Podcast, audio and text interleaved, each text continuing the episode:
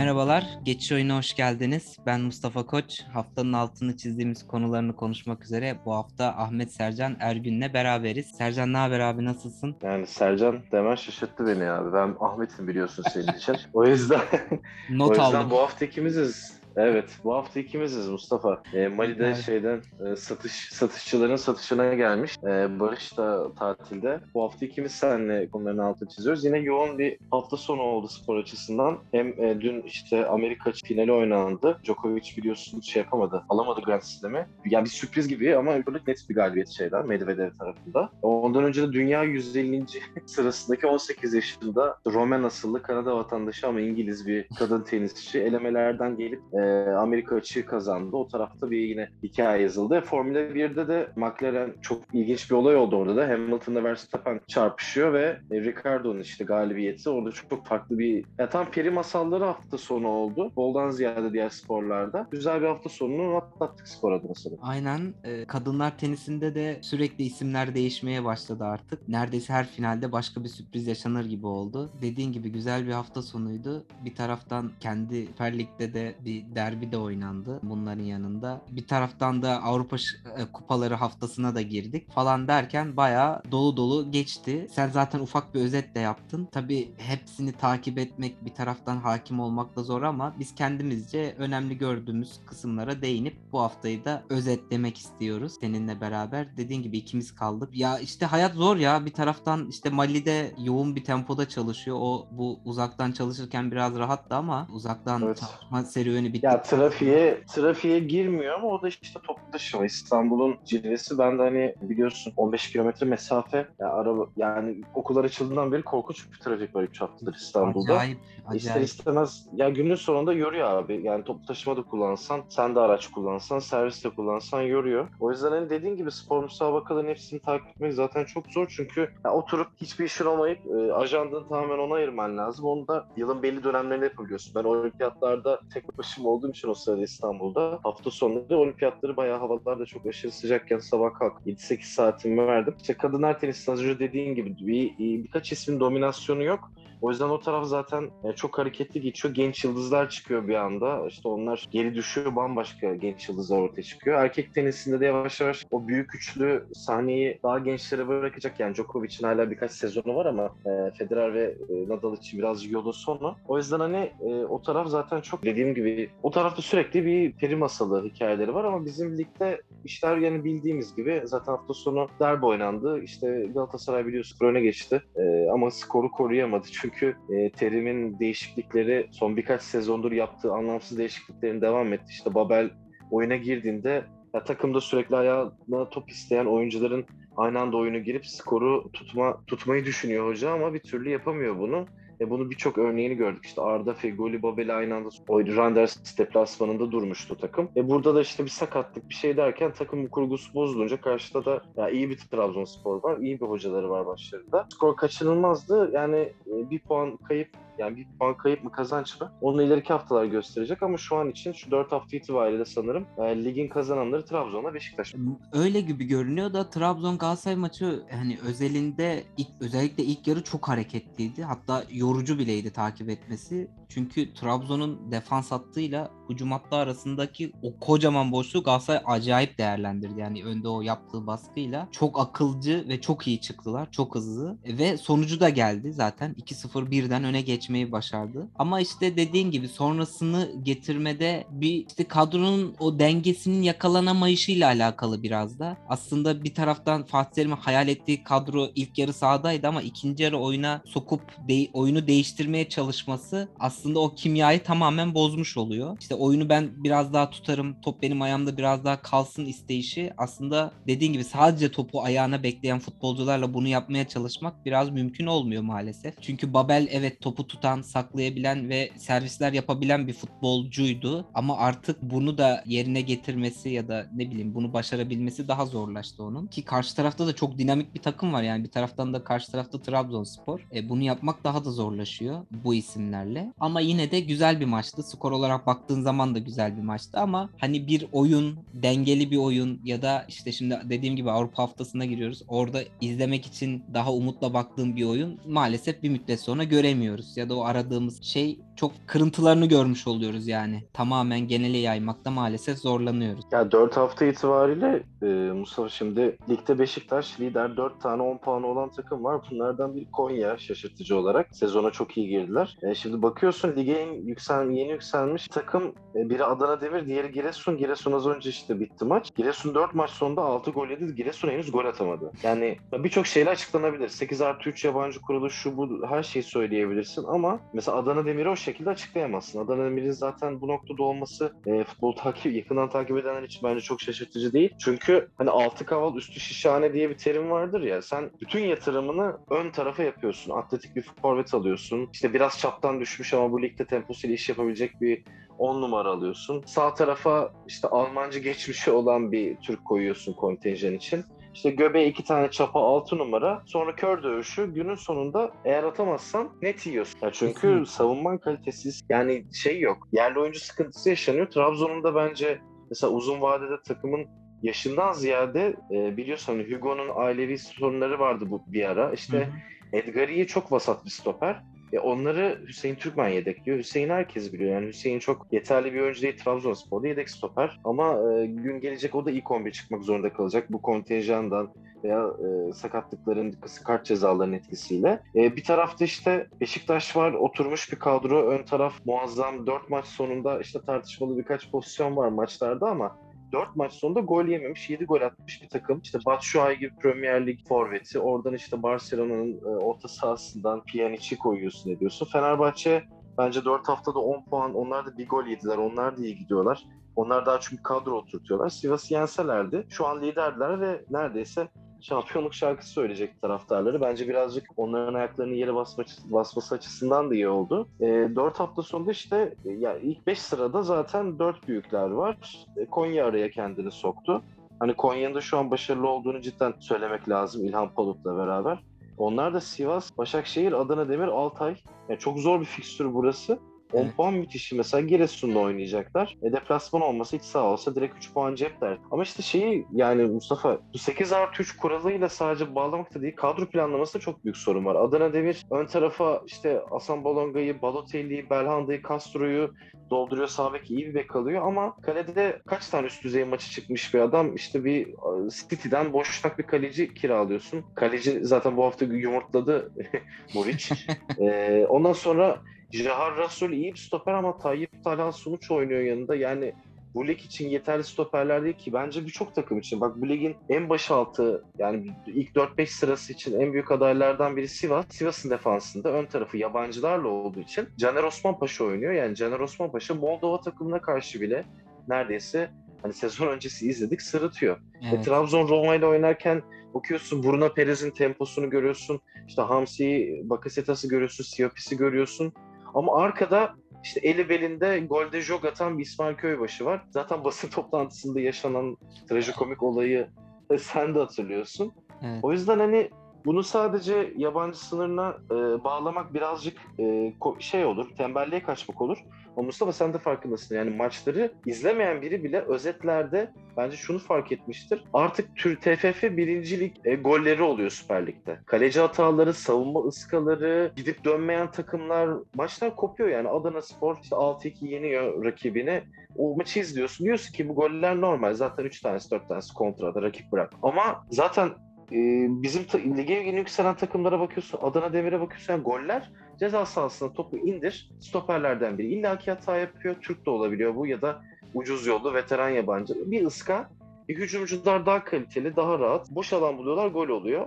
Ve ligde e, neredeyse hani böyle sistemle belli bir e, birkaç pasla taktiksel olarak atılan gollerin sayısı çok azaldı. E, o beni çok üzüyor. Senin dediğine biraz katkı yapabilecek bir şey. Sergen bu milli takım arasında bir iki canlı yayına katıldı. Bir tanesi Evet çok iyi bir canlı yayında cidden.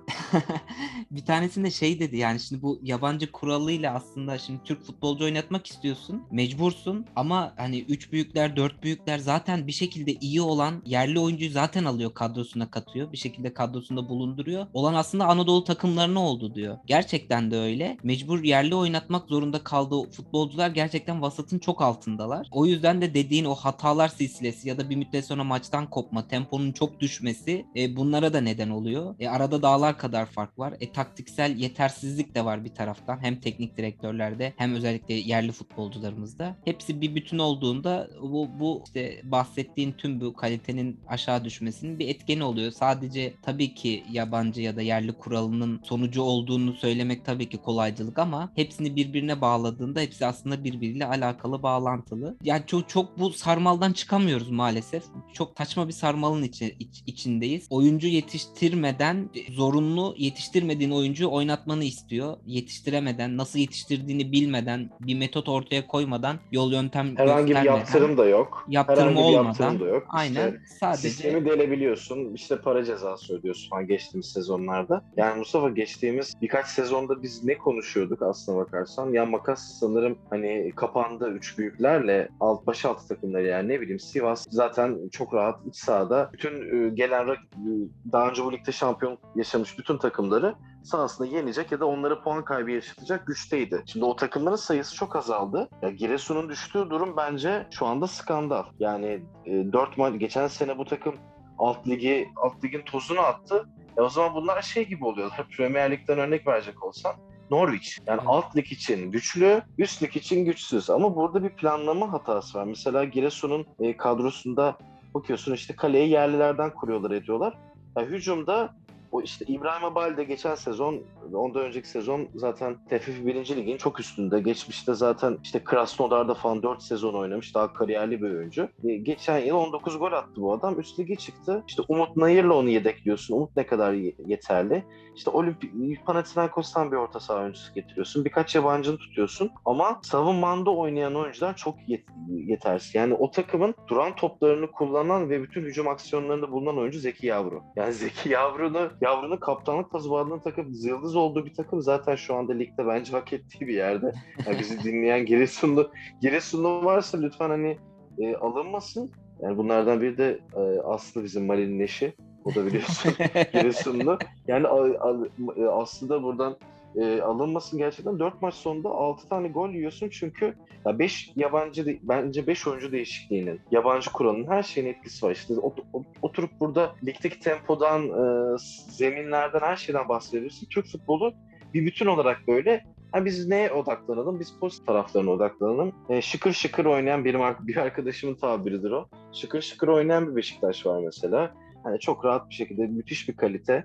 Oturmuş bir kadronun üzerine gerekli eklemeler, kaliteli eklemeler. Hani veteran sayılabilecek oyuncular ama bitmiş oyuncular değil kesinlikle. Batu Şua'yı zaten öyle bir oyuncu değil ama Pjanic'te, Teixeira'da fizik olarak sıkıntı da değil. Zaten orta saha göbeğin oturmuşken oraya bir Salih eklemesi, işte ne olursa olsun Mehmet Topal bir alternatif. E zaten sakatlıklar da yavaş yavaş başladı. Milli ara sezon başı yüklemesinin de etkisi var. O yüzden e, Avrupa'da temsilcilerimizle maçları varken biz hani daha iyiye, daha güzele odaklanalım diyorum sen. Muhakkak ama yani Beşiktaş'ın transferinin de çok veteran görülmesi gerektiğini düşünmüyorum açıkçası. Pek Pjanic zaten son piyango, son dakika piyangosu. E, daha yaşı 27. Batshuayi desen öyle. Bir tek orada e, işte Alex Teixeira transferi evet o onun yaşı 30'larda. Zaten ben açıkçası şu anki görünümünde pek sezonun ilk yarısı için ondan da bir beklentim kalmadı. Çünkü fiziki olarak çok kötü bir durumda geldi. Bir de zaten koronaya yakalanmıştı. Karantina süresi vardı. Bir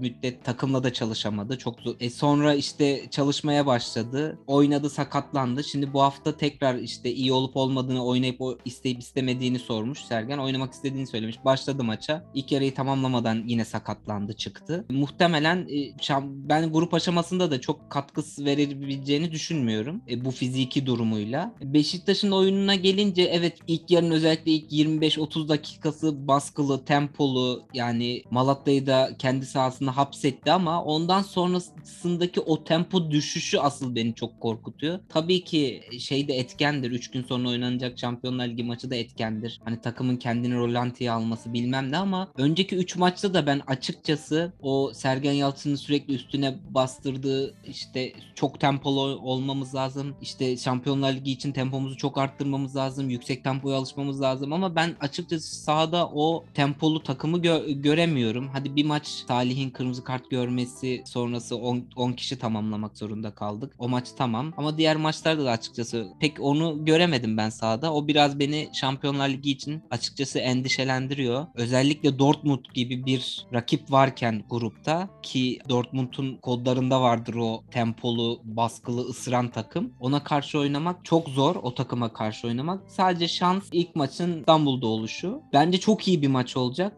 Ama maçı belirleyecek olan işte Beşiktaş'ın o tempoya ne kadar karşılık verebileceği. Öyle gibi geliyor bana. Bir de işte yani Batshuayi geç katıldı. Pjanic zaten son günde katıldı. Ee, onların hani ilk dediğim gibi maçın Malatya maçının ilk 20-30 dakikası çok iyi göründüler birlikte ama bakalım şeyde nasıl olacak. Sergen oyunun ligdeki oyunun aynısı olmayacağının işaretlerini vermişti zaten Sergen Hoca. Muhtemelen daha birazcık daha bekleyip kontra kovalayan bir takım olacaktır gibi geliyor. Geçen sezonun ilk yarısında özellikle Fenerbahçe maçında, Galatasaray maçında, Trabzon maçında onu bize göstermişti Sergen o oyunu. Beşiktaş'ın o oyunu nasıl oynadığını ki uzun süre sonra işte Kadıköy deplasmanında bir galibiyet de gelmişti o oyunla. Muhtemelen ona benzer bir planla çıkacak. Ama işte rakip sahaya gittikten sonraki dönüşler gerçekten çok önemli. Çünkü onu ba- başaramadığın an ya da tam çıkarken kaybettiğin bir top direkt senin kalende olacaktır. Çok tehlikeli, çok hızlı, çok yetenekli, acayip adamlar var Dortmund'da da. Bilmiyorum sen nasıl görüyorsun? Ya Dortmund'u abi beklesen bir dert, e, önde bassan bir dert. Yani tabii Beşiktaş'ın bence Dortmund'u geride beklemekten başka çok çaresi yok. Çünkü Dortmund'un alamati farikası senin dediğin gibi tempo. Yani savunmada falan çok açık veren bir takım. Az önce hani bahsettiğim e, o bireysel hataları geçen sezon hani pandemi sonrası daha önce de bahsettik. Bundesliga ilk dönen ligdi. İzledik. E, Dortmund'da mesela Hummels'i niye bu Münih'in bıraktığını anladım. Yani Alman milli takımına tekrar geri döndü ama Hummels çok hata yapıyor mesela defansta ki benim bir dönem en çok beğendiğim dünyadaki stoperlerden biriydi. Hala çok iyi bir oyuncu. De kesinlikle. 50-60 ya 50-60 metrelik pasları bir oyun kurucudan çok daha iyi veriyor neredeyse. Müthiş bir adam. Ama partneriyle beraber, Akanji ile beraber o tarafta. Mesela kaleciyi falan bir oturtamadılar. Ee, yani neredeyse Weidenfeller bıraktığından beri deyip abartayım yani. Oradan beri bir kaleci oturmadı.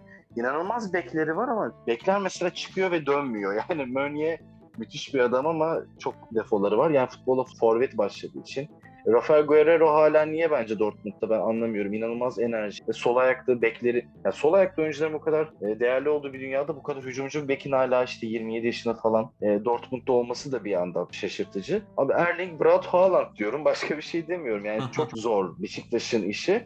Ya bir de Vida'nın stoperleri kucağın, kucağa alma hani o amiyane tabirle konusunda sıkıntılı bir adam olduğunu biliyoruz. E, Haaland zaten o fizikle ele avuca sığmayacak bir adam. Ben iki gol bulacağını düşünüyorum en az onun. Yani bahis almak gibi bilmem bir niyetim yok ama e, 3-1 gibi bir skor geliyor benim aklıma. Gollü bir maç olacak ben eminim. Ben Beşiktaş'ın da gol bulacağını düşünüyorum. Ama e, lige çok iyi girmiş moralli bir takımken eğer bu maçta da Sergen kafasındaki taktiksel anlayışı yansıtıp Dortmund'u durdurup vurup falan bir 3 puan falan kazanırsa önünde herhalde saygıyla eğiliriz. Yani başka diyecek bir şey olmaz. Ama ya bunun aynısını Galatasaray için mesela söylemek güç. Yani Lazio'yu Milan karşısında izledim ama e, Galatasaray'a yani Lazio'nun gerçekten çok kaliteli oyuncuları var. Galatasaray'da savunmada sıkıntı hala takım savunması çok problemli. Yani 3-0 öne geçse bile Galatasaray bu hafta içi Lazio'ya karşı. E, o maçı vermeyeceğinin garantisi yok. Yani zor bir maç olacak o yüzden. E, yani diğer temsilcimiz Fenerbahçe de aynı şekilde zor bir maçı çıkıyor. Yani üç, yani bu üçlüden bir galibiyet çıkarıp e, iki de beraberlik falan alsak bence iyi bir Avrupa haftası geçirmiş oluruz ama kim kazanır kim kaybeder? Yani Beşiktaş'ın grubu kağıt üstünde diğer gruplara göre daha iyi görünüyor ama e, Dortmund zaten grubun favorisi. E, sezona da çok acayip girdiler. Leverkusen'le yine böyle bir e, Clash of Titans'ı yaptılar. Yani her şey ben 3.5 üst oynadım o maça. 7 gol falan oldu zaten. Hani herkesin beklediğinin ötesine geçti yine. Yani öyle bir maç olursa seyir zevk yüksek olur. Şöyle bir 2-4 falan bir skor yakalanabilir. Ee, ama Beşiktaş'ın elinde yani gerçekten kaliteli oyuncular var. Bir de yani dediğim gibi taktiksel anlayışını ve e, istediği oyunu yansıtıp fizik olarak da tempo olarak da karşılık verebilirse Beşiktaş ki bu kolay bir iş değil. ki veremezse de bence e, suçlamak zor. Hani e, Sergen Yalçın da aynı şekilde. O yüzden ben meraklı bekliyorum. İlginç bir maç olacak. Kesinlikle ben de e, işte Haaland'dan bahsettin. Vida oynamayacak bu arada o da kesinleşti. Sakatlanmıştı o da Malatya maçında. Vida olmayacak muhtemelen. Vida yok mu? Evet, O, Vida kim yok. oynuyor o zaman? Mon- Montero. Montero'yu da zannetmiyorum çünkü takımla hiç sahaya çıkmadı e, sezon başından bu yana. Zaten o da transfer şey kapanmadan sonlara doğru geldi. E, muhtemelen Necip oynayacak. Necip Benitton oynayacak büyük ihtimal. E, Abi o zaman Velet Dalin Amin yani ya kusura bakma da yani Wellington Necip tandemiyle Haaland'ı durdurursanız yani her şeyi yapabilirsiniz bence. Zaten şampiyonluk adayım biliyorsun iddiaya da girdim. Burger'i de bekliyorum. Ya ben Fener ha pardon ben Fenerbahçe'yi. Benim de yemin ediyorum şeyim gitti. Ya kendi takımım dışındaki takımlara e, böyle şampiyonluk iddiası almaya çok alışkın değilim. Ama yani Beşiktaş'ın aslında daha favori olduğunu farkındayım. Ben biraz ters totem deniyorum. Ama hala Fenerbahçe'nin e, ligde şampiyonluk için ben biraz iddialı olduğunu düşünüyorum. Ama abi Necip e, yani Necip Wellington tandemiyle eğer yani onları üst üste falan koyman lazım Haaland'ı durdurmak için. Yani. Necip'i Necip'i şey yapabilirsen hani e, Ninja Ninja Kaplumbağalardaki beyin gibi düşünürsen Wellington'u işte e, beyin kısmı da Necip olacak. Ama o karın kısmında değil kafaya monteleyeceksin. Oraya tek stoper 3 tandem bence olabilir Haaland'ı durdurmak için. Bakalım göreceğiz. Necip daha önce de böyle eksik bir joker eleman biliyorsun zaten. Nerede olsa oynatıldı bir şekilde. Herkes tarafından öyle. Ta Mustafa Denizli'den Şenol Güneş'e işte ne bileyim Bilic'ten Sergen Yalçın'a Abdullah Avcı'ya kadar herkes bir şekilde bir yerlerde onu ihtiyacı olduğunda kullandı. Liverpool Haksızlık da ediliyor çok fazla. Ya işte Bence saygı duyuyorum ben çok. yani bir orta saha oyuncusu olarak görüldüğünde çok yani sonuçta yeteneği kısıtlı bir futbolcu. Biraz Tabii. o konuda haksızlık ediliyor. Sadece beklentini bil- bilip izleyeceksin Necip'i. Ona göre değerlendireceksin. Şey e, Olimpiyat stadında Liverpool'u elediğimiz maçta şeyde yine göbekte oynamıştı şey e, Necip ve çok iyi bir maç çıkartmıştı o o gün o akşam. En Ki o son maçta sağ bekte Opare mi vardı? aynen sağ bekte o pare vardı. Yani orada kadroya yani orada çıkan kadro da gerçekten Liverpool'u elemesi bence Türk futbolunun en büyük başarılarından biri olabilir. Gerçekten çok şey yapboz bir kadroydu yani çıkma bir kadroydu. O para sonra hani zaten hani herhangi bir kariyeri bir şeyi olmadı adamın. Düzeyi tabii ki olmadı. Hani görüp görebileceği herhalde en yüksek yer Beşiktaş oldu. Öyle aslında diyorsun ki durdurabiliyorsak Haaland'ı da durdururuz. Yok, işte yok. bu taraftan olmanın güzelliği abi. hatırladığım hani en şey iyi e, stoper performansı oydu en son ki onun üzerinden de yıllar ya geçti. Mustafa, Ee, ya Mustafa bir sliding, sliding tackle'a bakar abi. Aynen öyle. Haaland, Haaland fuleli muleli giderken Necip bir tane altına kayıp topla karışık oyundan çıkardı mı ondan sonra Yusuf'a Mokoko'yu falan sokarlar yani o oyunun çehresi bir anda değişti. Bu arada Dortmund'un oyunu yani e, şaka bir yana çok bağımlı Haaland. Yani bağımlı olmak zorunda aslında hangi takımda oynarsan oyna üzerine oyunu kurgulayacağın bir oyuncu olduğu için. Yani Dortmund'u e, Haaland olmadığı zamanlarda da izledim. Yani kesinlikle aynı üretkenlik olmuyor. Ellerinde tabii Gio Reyna, Bellingham gibi çok acayip yetenekler var. Çok beğendiğim bir takım benim Dortmund. Zaten hani Almanya'da desteklediğim takımdır. Oyunundan keyif alıyorum çünkü. Ama Haaland'ın hani dediğim gibi maç içinde eğer sindirebilirsen ki bunun yani işin mental tarafı da var. Sonuçta bir taraftar baskısı olacak. Ee, daha böyle canlı başta oynayan ev sahibi Şampiyonlar Ligi'ne dönüş birçok etken var bu işin içinde. O yüzden hani keyifli bir iş olur. Yani zaten abi orta sahanda mesela yani rakibi karşıladığında topu aldığında Pjanic gibi bir yıldızın var. Hani onun mesela 30-40 metrelik atacağı bir top işte Gezal'la Batshuayi'yle buluşturduğunda e sen de rakip kalede e, birçok tehlike yaratırsın. E Beşiktaş İnönü'de çok fazla dev e, eledi. Yani Barcelona'yı birçok e, takımı yendi. E, bizim takımlarımızın hani zaten böyle ik- ikonik galibiyetleri vardır Fenerbahçe'nin. İşte evinde Chelsea yenmesi, Galatasaray'ın o Şampiyonlar Ligi'nde gerçekten hani herkesi gururlandırdığı dönemdeki galibiyetler işte Atletik Bilbao'lar ki o dönemin en kuvvetli takımları. O yüzden hani elinde Beşiktaş'ın gerçekten iyi bir takım var. Hani az önce benim dediğim veteran şeyi şeyden dolayı birazcık da hani kağıt Batu Şuay'ı falan veteran bir oyuncu da buralara düştü.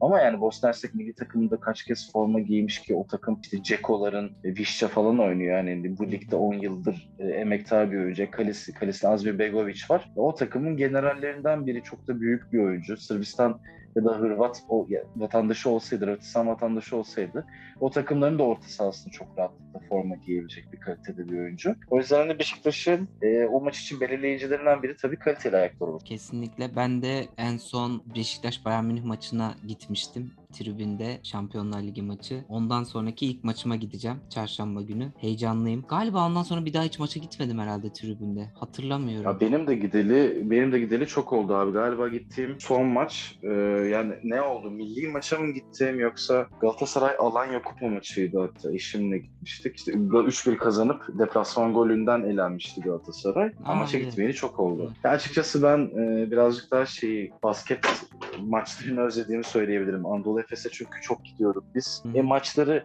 daha nezih ortamda geçiyor, daha keyifli. E bir de takım kazanıyor yani. Herkes 20'ye 30'u yatırıyor.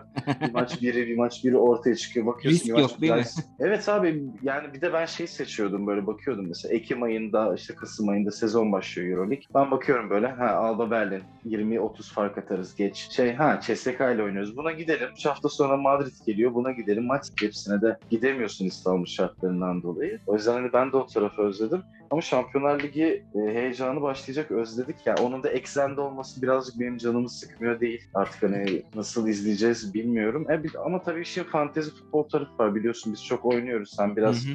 Şampiyonlar Ligi tarafına artık yetişemiyorsun ama belki bir sen kadro sen de kurursun, kurarsın yarın vaktin olursa. O tarafta da yani sonuçta Beşiktaş gibi kulüplerden işte o da hani daha pahalı oyuncuların olmadığı yerlerde e, oyuncu almak da önemli. Yani Beşiktaş'ın grubunu düşürüp uzun vadeli olarak Beşiktaş'tan e, oyuncu seçmek de olabilir. Yani Pjanic ya da Batshuayi'yi belki orada e, o fantezi futbol kadrolarında değerlendirebiliriz. Muhakkak ki Josef'in yanında 8 numara gibi oynadı hafta sonunda. Ona rağmen asist de yaptı. E, Muhteşem bir asist hatta. Yani Şampiyonlar Ligi'nde de e, bu şekilde belki işte fantezi futbol oynayanlara katkılarda bulunabilir. Bu şeye de değinelim. Pjanic'ten çok bahsettik. Pjanic'in geliş hikayesi biraz ilginç oldu. E, Barcelona çok ilginç bir yaz dönemi geçirdi. Bir önceki yönetimin bıraktığı enkazı... Enkaz devraldık. Aynen.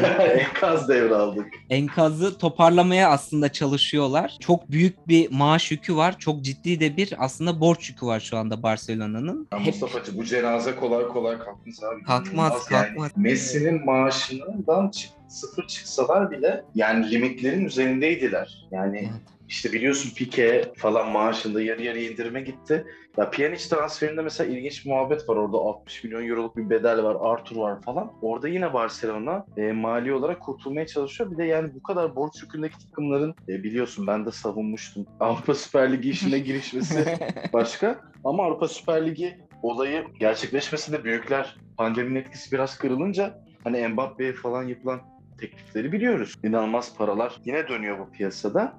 O yüzden hani Barcelona, ya Barcelona inanılmaz kötü yatırımlar yaptı. Daha önceki programlarda da çok Mustafa. Yani işte o Neymar'dan kazandığı paranın yarısını Dembele'ye yatırması mesela yani ne kanıtlamış bir oyuncuydu ki Dembele. 100 milyonu yatırdı ve şimdi PlayStation oynarken işte uyuyakaldığı için antrenmana geç kalan bir oyuncu. Sürekli sakat, kronik, ben kendine bakmayan bir oyuncu. Ya bu e, katlanarak artan saçma sapan transferler işte yani mesela Pjanic Barcelona'ya gitti. Evet ama Barcelona mesela ihtiyacı Pjanic miydi? Pjanic hani şu an Beşiktaş'a geldi ama birçok daha e, üst düzey kulüpte de forma giyebilecek bir oyuncu. Ama işte Barcelona ayarında mesela Barcelona kendi ayarında gibi olmayan oyuncuları yığıp inanılmaz bir kadro şişkinliği yaptı. Şu an işte Luke de Jong, Martin Bradfight'la oynuyorlar. Yani Huesca tadında hücum hattı var neredeyse. Tabii ki biraz abartıyorum. Hani biri seviyeden geldi, diğeri hani e, aynı şekilde aslında fena da iş yapmıyor Brad White. Hani adamı da hakkını vermek lazım. Ama işte karizmatik bir oyuncu değil ya hani Hı hı. e, ya da işte Barcelona formasıyla kimleri izledik. O yüzden yani mesela Pjanic'in hani geliş hikayesinde dediğin gibi Barcelona'nın içine düştüğü o e, maddi darboğaz çok etkiliydi. Ama onun da yani bitecek gibi görünmüyor sanki Mustafa. Hani ya bugün de sende bahsettiğimiz konu. İstersen ondan ona da değinelim. Tabii ki mesela e, ona da geleceğim. Bak Messi'den ayrıldılar. Griezmann işte e, birçok futbolcu indirim yaptığı maaşındaki Pjanic indirim yapıp Beşiktaş'a geldi. Bir kısmını Beşiktaş, bir kısmını Barcelona ödeyecek. Yani bir sürü yöntem deniyorlar o maaş yükünü azaltmak için. İşte gelir maaş oranında %110'dan %80'e anca düşürebilmişler ki yani işte 145 milyon euro da anca tasarruf edebilmişler ki daha da düşürmeye çalışıyorlar. İşte %80'e düşmüş %63 civarına düşürmeye çalışıyorlar. Şu çok ciddi büyük ki sen deminden bahsettin o yatırımlar yatırımların isim olarak tabii ki mantıksız bir taraftan bir taraftan da o verilen paralar çok acayip paralar. Sadece bonservis bedeli değil futbolcularla yapılan e, sözleşmeler de çok acayip. Yani nasıl e, hep biz kendi kulüplerimiz için bunu derdik ya. Yani çok ilginç bir Avrupa kulübünden Barcelona gibi bir kulüpten bu şekilde acemice sözleşmeler, acemice futbolculara yapılan yatırımlar çok ilginç geliyor bana. Ki bunların çoğunun çoğundan haberimiz de yokmuş aslında. Şimdiki yönetim de ufak ufak böyle aslında eski futbolcularla yapılan sözleşmeleri falan sızdırıyor basına. Orada da bir taraftan e, şey var. Hani işin ne kadar kötü yönetildiğini, ne kadar kötü işler yapıldığını göstermek istiyorlar bir taraftan da. Ya da bir taraftan bu kadar kadar değerli insanların takımdan ayrılmasına ya da işte e, fedakarlık yapmasına bir taraftan da kılıf bulmaya çalışıyorlar herhalde. O var. Bir de işte bugünkü haber işte ana sponsorları Barcelona'nın formada göğüs reklamı da olan Rakuten sözleşmesi bitiyor 2023'te. Uzatmama kararı aldı. O da e, bir şey hem Messi'nin ayrılmasının etkisi olduğu söyleniyor hem de Griezmann'la Dembele'nin e, Japonya turunda bir otel odasında işte orada Asyalı teknisyenlerle dalga geçmesi o videonun açığa çıkması da var tabii şey olarak etken olarak ama bu ekonomik sorunlarla boğuşurken ana sponsorundan böyle bir şey de almak haber de almak yani işleri kısa sürede iyiye doğru gideceğini göstermiyor maalesef Barcelona açısından. Muhtemelen sahada yani da bir Liga'da... daha işler pek iyi yerinde gitmeyecek yani bir taraftan. Abi da. şimdi La Liga'daki bu maaş e, olayı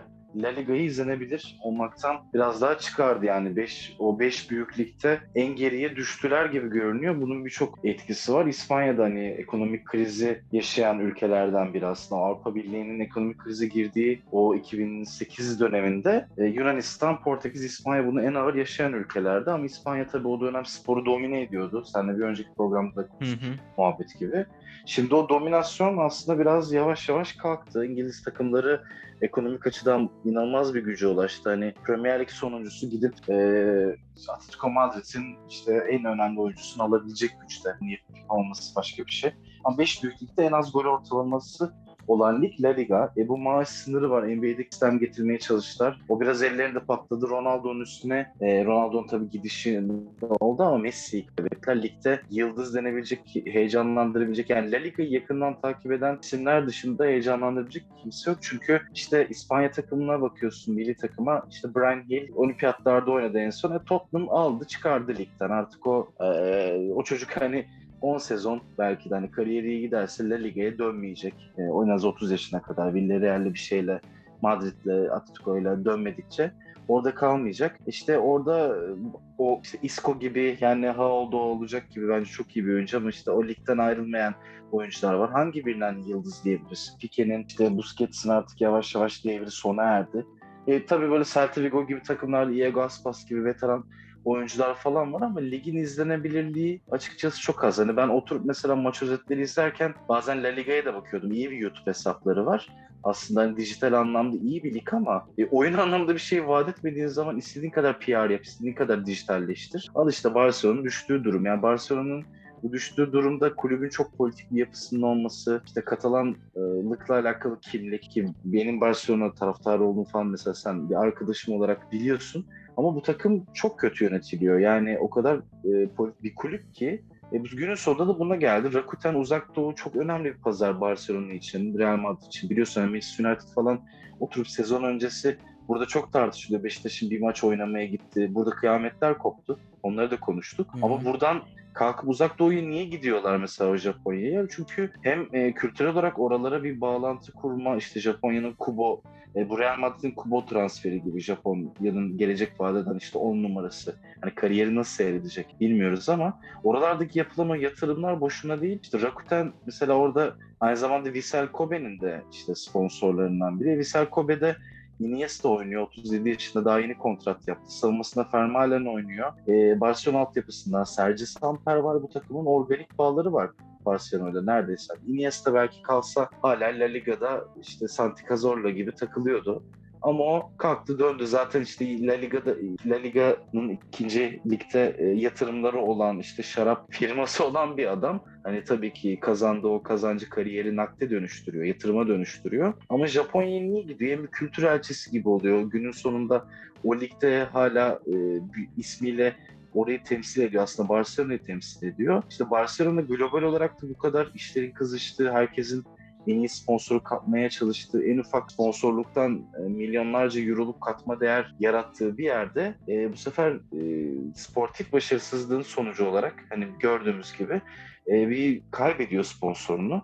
E, bu sponsor belki bir taneyle kalmayacak. Belki yarın Barcelona başka bir skandalla sarsılacak. Bir vergi kaçırma olayı gelecek işin içine başka bir şey çıkacak. Ya illa ki çıkacak. Çünkü bu e, İspanyol da bize çok benziyor. Hazır La Casa de Papel'in de yeni sezonu gelmişken hani koru, korupsiyon, korupsiyon çok abi oralarda. Yani bu yolsuzluk, yolsuzluk yani çok politikte bir kulüp. E, şu an Barcelona'nın kolay kolay toparlanması zor. Onlar biraz böyle şey gidecekler. Yani Valencia'nın düştüğü durumu biliyoruz. Yani Mustafa işte Malaga'yı o Al Tavon ailesiydi galiba. Malaga'yı almışlardı. O Van Nistelrooy'lar falan Isco'nun çıktığı etti işte evet. kalede e, yani çok acayip oyuncular Demichelis'ler falan. Sonra Malaga bir daha toparlayamadı ki Mal yani Deportivo aynı şekilde. Bu başaltı takımı denen aslında sürekli sürpriz yaratan takımlar tamam mesela Villarreal seviye sürekli Avrupa Ligi kazanıyor. Ama işte Şampiyonlar Ligi asıl sahne. Yani orada çeyrek finalde, yarı finalde e, başka bir oyun oynayan bir takım, rakibi Madrid olsun, Barcelona olsun öyle bir sürklase ediyor ki Almanya'da, İngiliz ya da Fransız takımı. Bir anda kalıyorsun. Yani sportif başarı olmadığı sürece de yani bunları konuşmak çok anlamsız. O yüzden Barcelona için tünelin ucunda çok ışık görünmüyor. Onlar için en doğrusu Serpil Hamdi Tüzün'ün yaptığı gibi öz kaynak düzenidir abi. Bak nasıl nasıl bağladım olayı. Bak olayı tekrar Beşiktaş'a bağladım. Yani Barcelona'nın kurtuluşu gerçekten La Masia yine. Oraya dönecekler, köklerine dönecekler. Harcamayacaklar, oyuncu yetiştirecekler, sabredecekler. Ülkedeki e, bir futbol sonra... muhabbeti de Serpil Hamdi Tüzün'e bağlanmasın be kardeşim. Evet abi, evet abi bir şekilde ya bir şekilde ya Serpil Hamdi Tüzün'e bağlamazdım. ee, başka birine bağlardım yani fark etmezdi abi şimdi e, şey Kılıç'a başka bir şeylere, baba gündüzlere, hakkılara, Metin Oktay'ı bir yere bağlarız. Metin Oktay'ın da e, ölüm yıl dönümü. Bugün hani e, 13 Eylül. Ya aramızdan ayrılalı. Ben izleyemedim tabii. Biz izleyemedik yaş bariyle. Ama o da çok büyük bir efsane. Buradan onu da saygıyla Saygıyla analım. Bu arada sadece Barcelona değil Real Madrid de aşağı yukarı aynı durumda. Kadro kalitesi çok evet. güçlü Madrid'in de. Yani Varan, e, Ramos şeyinden tandeminden Militao Nacho kayıplar. tandemine geçmek zorunda kaldılar ki orta e... üçlü duruyor. Bir tek orta saha üçlüsünü korudular. Evet. Yani Aynen. bence en büyük başarıları o. Aynen. Ve işte Florente Perez'in de sürekli Süper Lig, Süper Lig, Süper Lig diye zaten yırtılmasının bir nedeni de bu. Çünkü artık La Liga'da deniz bitti her şekilde. İlgiyi oraya da çekemiyorlar. Çekmek için yine yılların geçmesi gerekecek. E, yani Serie A örneğini görüyoruz. İlgi oradan bir gitti mi, para oradan bir çıktı mı geri dönmesi çok zor. O yüzden yüzden bunun e, mücadelesini veriyorlar. Bakalım önümüzdeki günlerde bizi ne bekleyecek o konuda ama biz yine gönlümüzün sultanı Şampiyonlar Ligi'ne geçelim ufaktan. Yarın Şampiyonlar Ligi başlıyor. Çok acayip bir Hoş geldin. Ya ya şehri Champions League ya şey, aynen öyle. Gerçekten. Valla işte insan heyecanlanıyor yani her şeyiyle birlikte Şampiyonlar Ligi'nin. Ee, çok acayip bir şey diyecektim. Hani acayip bir şa- e, transfer sezonu geçti yazın. İşte Messi ayrılmak durumunda kaldı. Ronaldo tekrar Manchester'a döndü. E, Manchester City yine bildiğimiz gibi falan derken acayip de bir Şampiyonlar Ligi sezonu olacak sanki bir taraftan da. Ya bir de Barcelona Bayern Münih var mesela. Yani tam ya açılış için çok iyi bir maç. Hani diğer maçlara baktığında öyle bir şey vadeden bir maç yok işte konferans liglerinde falan da maçlar var ama işte salı akşamı oynanabilecek en acayip maç. Yani anti fıstığını Zula'dan çıkarıp Barcelona Bayern Münih'e oturmak lazım ki Münih'in ben rahat bir galibiyet alacağını düşünüyorum. Hani Lewandowski falan iki tane sallar muhtemelen. Ee, diğer tarafta yani Manchester United'ın grubuna bakınca gerçekten bir ufak üzülüyorum yani Young Boys, Villarreal, Atalanta abi yani Atalanta'ya hani bir şey demiyorum da Atalanta da yeni soktu kafasını o büyüklerin arasına. Evet. Ya burası UEFA Avrupa Ligi I grubu yani başka bir şey değil. Hani böyle bir grubun oluşması. Ya hatta haksızlık ettim. Çok pardon. Sevilla, Salzburg, Lille, Wolfsburg. Abi işte sezon öncesi Baviera bölgesinde Alsace-Lorraine'de toplanın dördünüz oynayın yani. Hani Şampiyonlar Ligi'nde bence böyle bir grup ya Şampiyonlar Ligi'nde bence 32 takım çok. Yani kendi e, bu işte Süper Ligi savunma olayında tezat gibi görünse de birazcık ben 32 takımın çok olduğunu düşünüyorum. Dünya Kupası'ndaki takım sayısının artması muhabbeti gibi. Çünkü işte Chelsea bir grupta Chelsea Juventus, bir grupta Barcelona, işte Bayern Münih hatta Benfica varken bir yerde kimin olduğu belli. Tabii ki çok güzel şeyler vaat edecek. Ama hani o daha Avrupa Ligi tadındaki takımların e, şampiyonluk kazandıktan sonra kadroları yağmalanıyor ya Mustafa. Evet. Yani o aynı takım gidemiyor Şampiyonlar Ligi'ne. Mesela yarınki Lille, geçen sezonki Lille'le uzaktan yakından alakası olmayacak. Belki Wolfsburg evinde bir sıfır yenilecek. Korkunç kısır. işte doğru özetinin bile ilgi çekmeyeceği bir maça dönüşecek.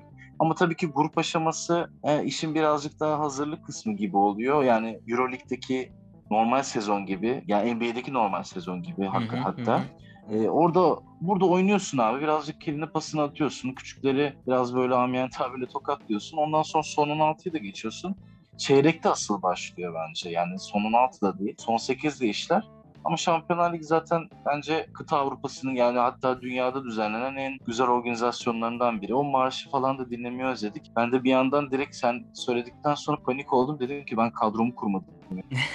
Orada da fantezi fantezi futbolda abi kadroyu bir şekilde kuracağız. Ya yani şey zaten EPL'de Hakan'la yapıyoruz programı.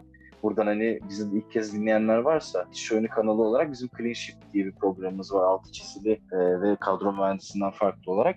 Orada da Şampiyonlar e, Premier Lig fanteziyi konuşuyoruz. E orada ufak ufak Şampiyonlar Ligi'ne de değindiğimiz oluyor. O yüzden hani fantezi futbol önemli. Belki hani ilerleyen haftalarda fantezi futbolla alakalı da şu ilk maçlar belki geçtikten sonra ufak bir program buraya da değiniriz. O yüzden hani işin de o tarafı var. E, Premier Lig'de çok iyi başlamamışken umutları o tarafa çevireceğiz. E, Şampiyonlar Ligi dediğin gibi asıl futbolun e, asıl sahnesi başlıyor. E, biz de keyifle oturup izleyeceğiz abi. Peki var mı favorin sezon için? Abi favori belirlemek için çok erken ama ben oturup yine Premier Lig'de olduğu gibi Chelsea'yi keyifle izlerim. Yani çünkü Tuchel hem savunmada çok kompakt hem de hücumda çok acayip yani tahmin edilemez yetenekleri olan bir takım kurdu. E, Paris Saint Germain zaten hani FM'de ad manager gibi kim var kim yok doldurdu. Antipatikler biliyorum ama onların e, geçen program ya da hani e, şey yapamadık ama e, hafta içi biz Türker'le konuşmuştuk. E, hı hı. Yani Beke onların en büyük sıkıntısı Bek'ti Mustafa. E, yani hı. o da Eşref Hakimi ya çok acayip bir adam. Şu an dünyanın en potansiyel beki. E onda o da Dortmund'da pişti. E, şimdi evet. Paris Saint Germain ona inanılmaz bir para ödedi. Inter tutamadı elinde maddi kriz yaşadığı için. Ki yani e, İtalyan takımları yine beni heyecanlandırıyor ama henüz dediğim gibi e, bir şey belirlemek için, doğru belirlemek için erken. Ama yine İngilizlerden birinin final oynayacağını düşünüyorum. Bu, ben Chelsea yine en azından yarı final yapar diye düşünüyorum. Çok bir kura şanssızlığı ya da bir sakatlık çok büyük bir sıkıntı yaşamazlarsa şimdi Lukaku çok çehresini değiştirdi o takımın ama yani Lukaku'nun yokluğunda Chelsea Premier Lig'de de yani iddialı olamaz. Çok zor iş var. Cristiano Ronaldo falan da gelmişken Manchester United hani ya Varan ve Sancho bence oradaki asıl e, eklemeler de hı hı. en önemli iki noktayı yaptılar onlar. E, Göbek'te falan da çok acayip yani hakkı verilmeyen çok oyuncusu var Manchester United'ın bence arka planda daha iyi iş yapan.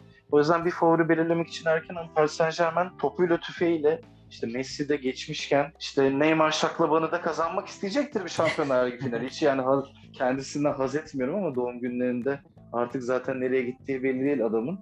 Ya o bambaşka bir konu. Bunun bir de Şokopop versiyonunu yaparız abi.